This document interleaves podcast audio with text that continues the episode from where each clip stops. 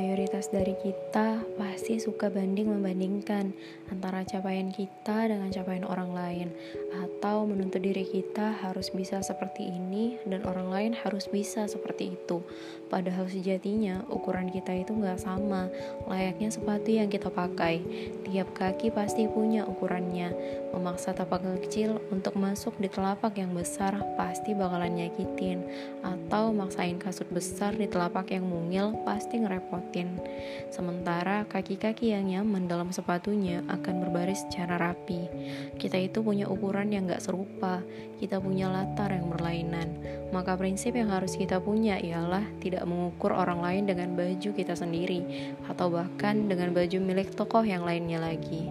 Setiap manusia itu tetaplah dirinya, tidak ada yang berhak memaksa sesamanya untuk menjadi sesiapa yang ada dalam sebagaimana Umar yang memang bukan seperti Utsman, dan demikian sebaliknya, atau sebagaimana Rasulullah yang tidak pernah meminta Said ibnu Abi Waqqas untuk melakukan perannya Abu Bakar.